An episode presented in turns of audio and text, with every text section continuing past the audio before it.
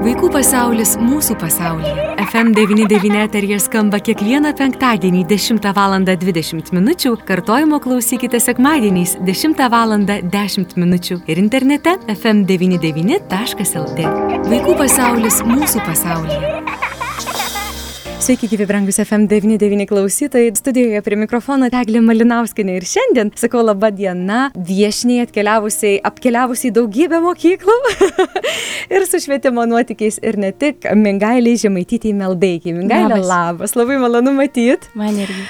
Mes šiandien tikrai pakalbėsime daug apie mokyklas, apie situaciją juose, bet pradėti vis dėlto norėčiau apie tą laiką, kuris dabar yra tas priešventinis laikas. Jau žiūrėkime, reglutė šviečia, žypsi, rotušės aikštėje ir namuose pas daug ką matosi pro langus lempelės, žyba toks priešventinis laikas. Koks jis mingailiai? Vakar iš tikrųjų mes irgi nusipirkome eglutę tokią mažą e, vazone su mintim, kad paskui galėtume persadinti tai jau norisi, jau po truputį ateina ir pas mane, nors atrodo, kad labai intensyvus metas, visada tas gruodis toks, atrodo, daug mhm. darbų, ir, ir, ir, bet ir tuo pačiu visos tos lemputės išorėje ir viduje žypsi, tai bandom suderinti ir, ir, ir hmm. tuos, ir tuos dalykus. Pačiai tenka stipriai prisijungti, dalyvauti psichikos sveikatos stiprinimas bendrojo lavinimo mokyklose projekte tokiame, ar ne? Taip, Alitaus miesto savivaldybė inicijavo šitą projektą, irgi mm. turbūt atsižvelgiant ir į karantino e, padarinius e, vaikams ir mokytojams ir mes e,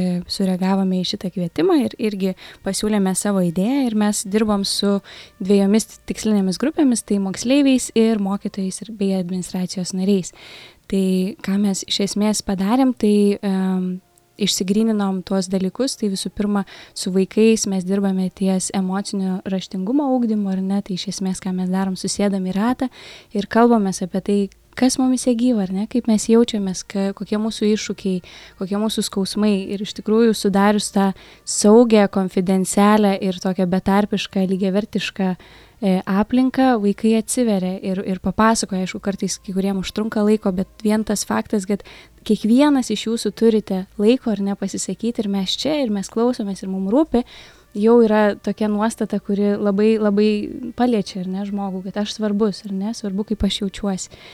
Ir ir aišku, į, į daug integruojam žaidimų visokiausių, nes irgi suprantam, kad, kad vaikai labai daug mokosi per žaidimus, jiems tai yra primtina forma ir labai pasigendam to mokyklose žaisti, ar ne, vaikai mhm. taip, taip išsilgia to ir aišku yra tas virtualus pasaulis, į kurį jie nuolat pabėga ir, ir daug psichologų irgi aiškina, kad tas, tas procesas yra tam tikra prasme gyjimo procesas nes jie tenais atsitraukia nuo, nuo visų iššūkių, sunkumų, tiesiog panyra ar ne į kažkokį, mm -hmm. kažkokį kitą pasaulį ir, ir išskrenda ir ten juos aišku skatina ir, ir jie nuolat kažką pasiekia ir apdovanojami yra, tai tas labai stimuliuoja. Ką mes dar darom, tai e, turėjom kelis susitikimus su mokytojais ir administracijos nariais. Tai pirma dalis buvo emocinio Ne, e, nesmurtinės komunikacijos mokymai, e, tai irgi yra apie jausmus ir poreikius ir, ir to raštingumą.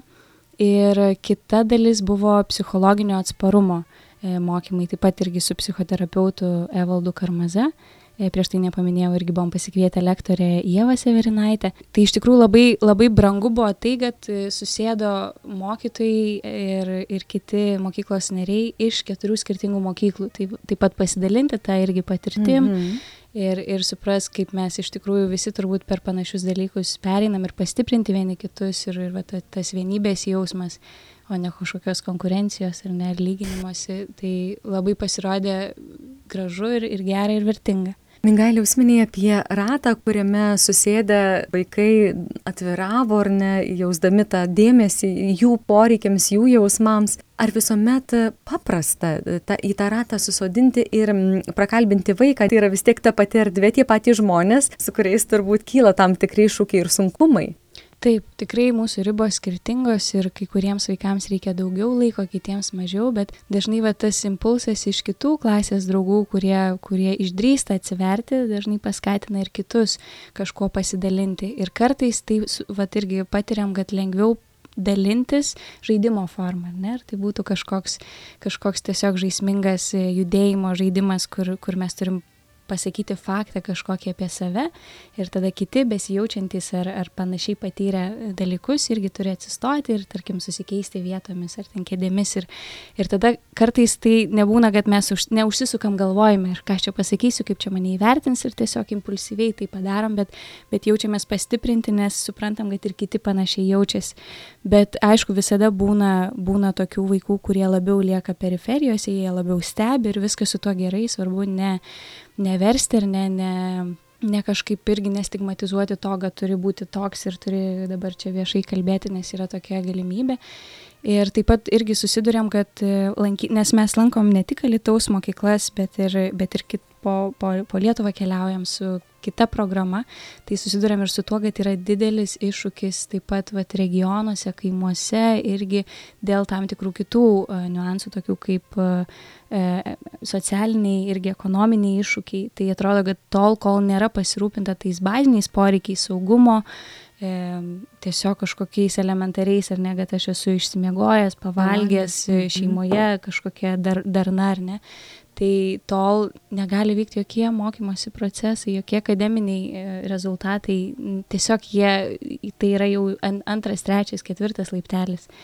Tai mes kalbamės, reflektuojam su, su klasių auklėtojais, kad tikrai kartais turim pasiūlymus, kad stabdykit visus mokymosi procesus, telkitės į klasę kaip bendruomenę, e, padėkit vaikams susitikti, sustiprėti, nes labai daug yra ir susiskaldinimo problemų ir mes nemažai dirbam su, su tais E, paauglystės pradžios ar ne laikotarpio mhm. vaikais, tai ten šeštomis, septintomis, aštuntomis klasėmis, tai aišku dažnai pasitaiko ir patyčių ir, ir, ir vat, kaip minėjau, to susiskaldimo, tai, tai labai labai svarbu atrodo formuoti tą klasę kaip komandą, nes, e, nes jie visą laiką kartu, ar ne, ir tai kaip mes jaučiame šalia tų žmonių, su kuriais praleidžiam tiek daug laiko ir dar plus bendramžiai, tai mums labai rūpi irgi, ką, ką tie žmonės galvoja, tai, tai labai daug priklauso ir nuo to, kaip ir kur mes siekiam tų savo tikslų. Mhm.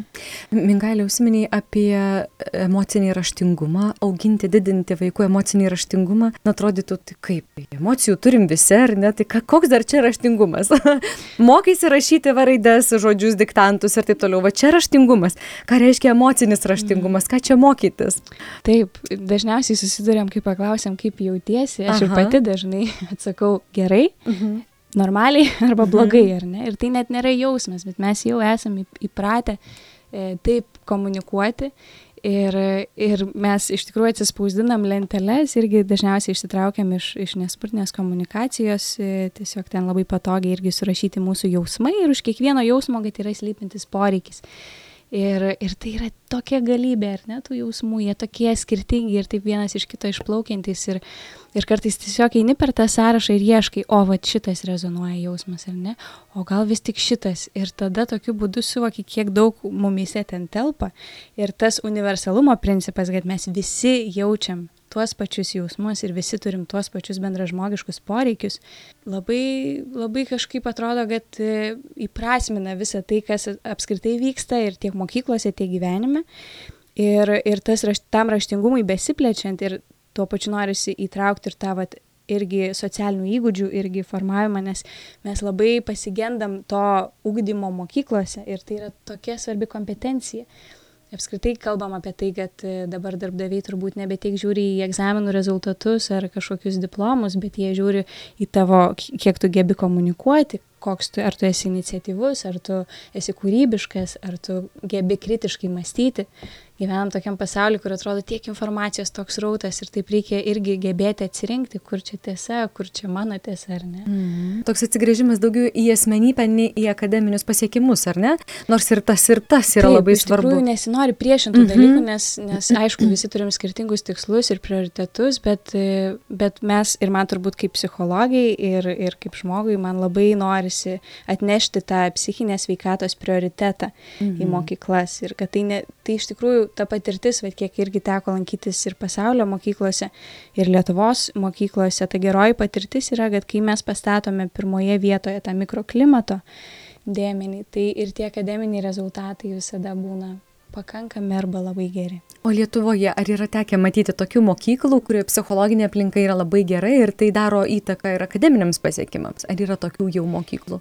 Yra, yra, man gal nesinori įvardinti, nes mhm. suvokiu tai, kad visi skirtingai turbūt suprantam, ką reiškia mhm. gera mokykla ir, ir iš tikrųjų netgi susidurėm su tokiais pavyzdžiais, kur būna vaikai e, keičia mokyklas iš vienos privačios į kitą privačią ir tada galiausiai tėvai sako, žinot, kaip nutiko, nuėjome į, į valstybinę mokyklą ir pagaliau viskas susidėlioja į savas vietas. Tai kartais kartais tikrai turbūt e, svarbu suprast, kad nėra vieno recepto ir kad mm -hmm. labai svarbu atsižvelgti, koks yra vaikas ar ne, kokie yra jo poreikiai, kokie yra jo, kokios yra jo stiprybės, kokie yra iššūkiai ir kaip ta mokykla padeda užtikrinti visus tuos poreikius.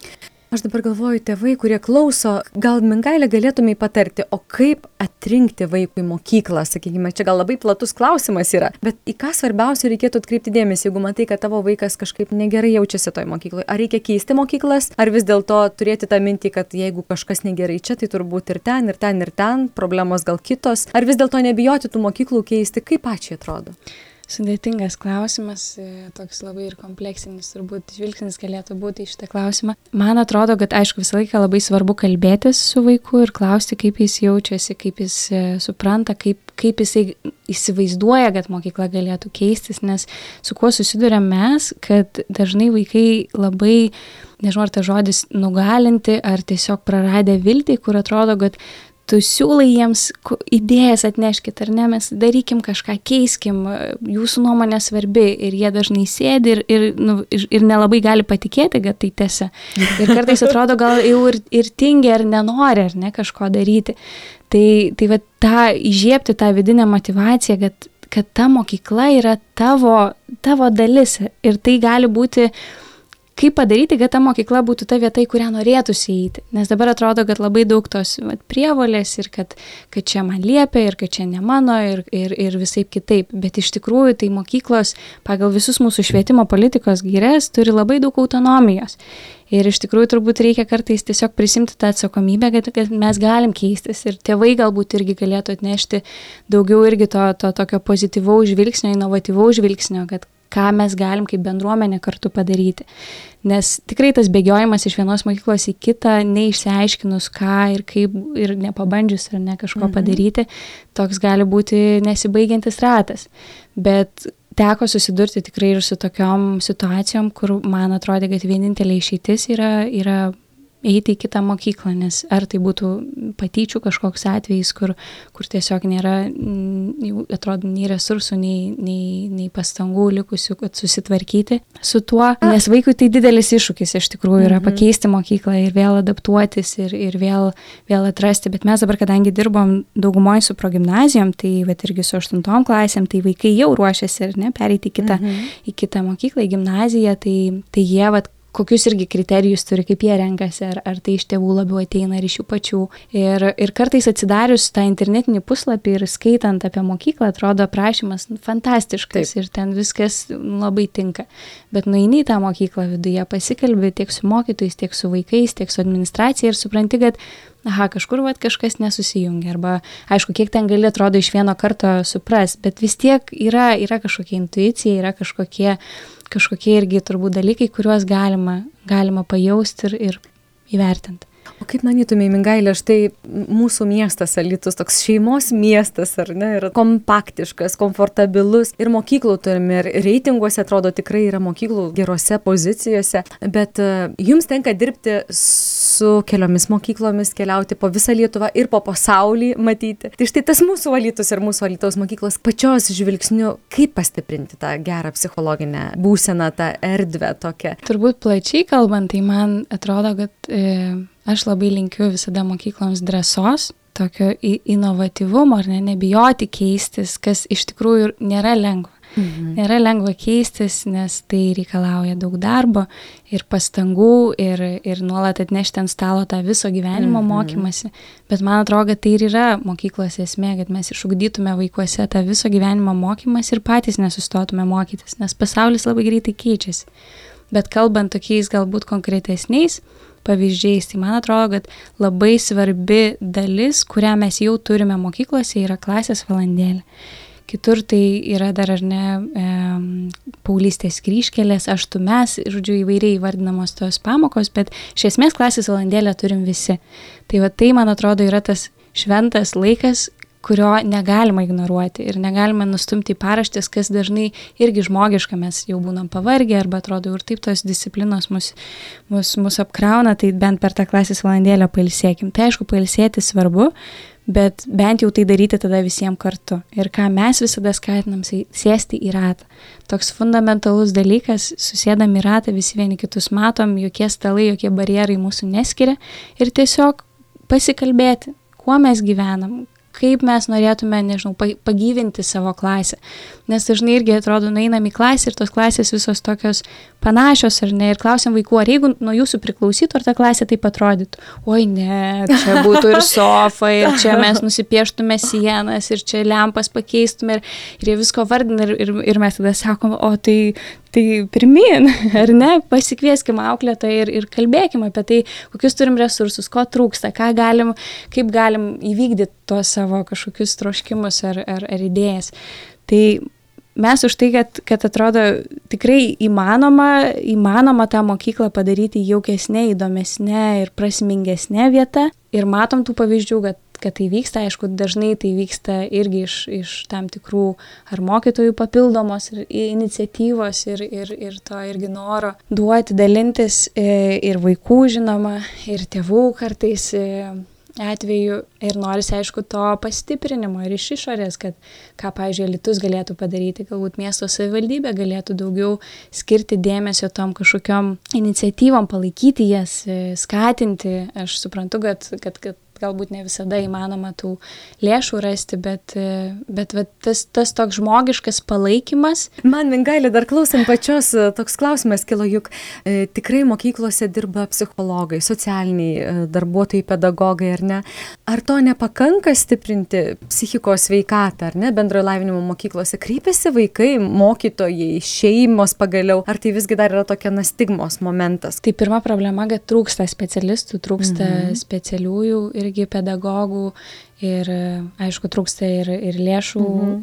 jiems apmokėti tuos etatus. Ir yra ta stigma, vis dar yra. Ir iš tikrųjų mūsų nuostabai tas, tas procentas vaikų, kurie nesikreipia ir nesikreiptų į psichologą yra labai didelis. Ir mes irgi bandom suprasti to priežastis ir aišku, dažniausiai tai yra priežastis, kad aš e, nepasitikiu, aš galvoju, kad jeigu aš pasipasakosiu, tai pasakys mano tevam, auklėtojai ir kartais taip nutinka. Ir dėl šitų dalykų, kas iš esmės yra irgi sulaužomas tas konfidencialumo principas, e, vaikai irgi užsidaro ir jie, ir jie nu, va, tada jau kažkaip e, atsargiai labai žiūri į šitą galimybę. Nors mes vis kalbam, kad, kad jūs turite tokią galimybę, mes jau turim mokėti už tą paslaugą ir tai yra tokia irgi privilegija, ar ne, turėti savo, savo specialistą, kuriam tu gali išsipasakoti, tokia irgi asmeninė higieną. Aišku, kai, kai atneši tą arčiau vaikų ir, ir, ir papasakoji apie to naudą, e, būna, kad tai veikia, ar ne? Vaikai jau kažkaip susidomi ir jie tada klausia, o tai ar čia visi gali, ir jie kartais net nežino elementariai, kaip, kaip nueiti, taip, taip. kaip kreiptis, kuriuo metu, ar čia pamokų, ar ne pamokų metu.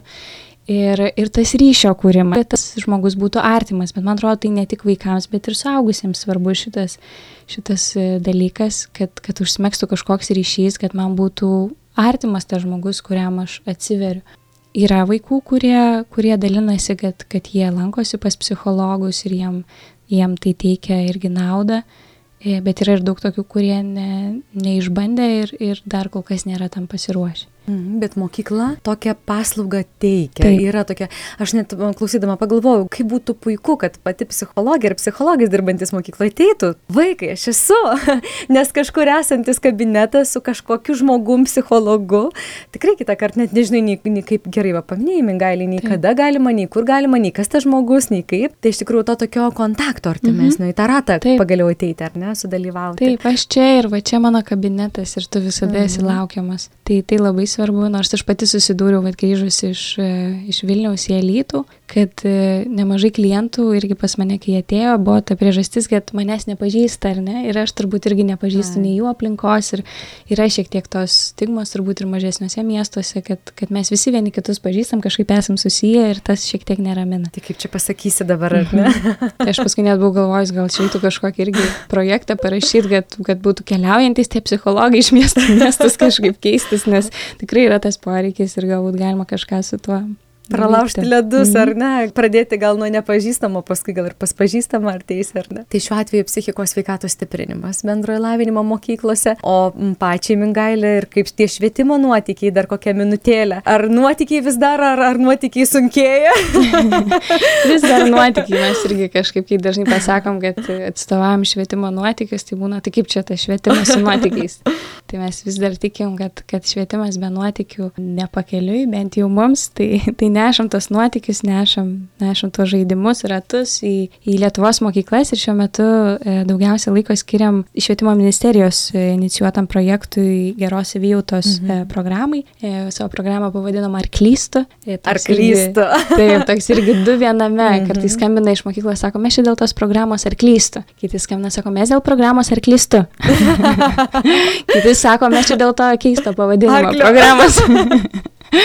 tai, tai jo, tas toks atrodo tikrai tas arklys, tas simbolis irgi to darbštumo, to, to tokio ištvermės ir ta, ta Dievo dovana žmogui. Ir, ir iš kitos pusės tas ta nuolatinė kažkokia rykštė, bejonė, ar aš pakankamas, ir ar aš gerai čia darau, ir tas vertinimas, tai, tai atrodo, kad atliepia tas temas tiek, mm. tiek moksleivių, tiek mokytojų. Ir, ir labai džiaugiamės, kad turim šitą galimybę ir tikrai atrodo daug, daug pamatom, daug e, suprantam ir tikimės, kad vat, apibendrinę visą tą savo refleksiją galėsim atnešti dar daugiau išvalgų ir pasidalinti tolimesnėm idėjom. Gali artėja tas šventinis laikotarpis, nuo to pradėjo mūsų pokalbį ir pokalbio pabaigoje gal prašyčiau kažkokių palinkėjimų būtent švietimo sistemai, mokykloms, vadovybei, vaikams, kaip psichologija ir kaip žmogus, kuris su mokyklomis ir mokyklose kažkaip pirma mintis atėjo apie etiketės, kad mes dažnai labai kažkaip e, uždedam ar sąmoningai ir nesąmoningai etiketės ar ant klasės, ar ant žmogaus,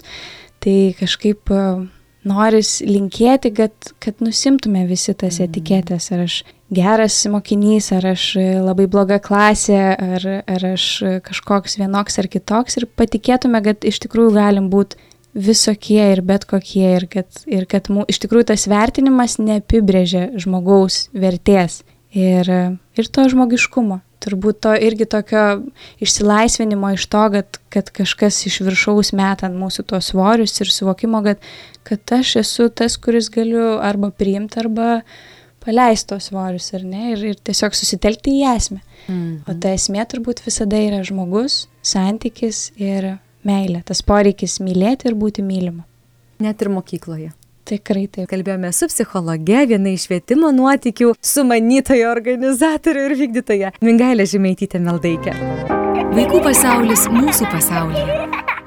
Prie laidos finansavimo prisideda spaudos, radio ir televizijos rėmimo fondas.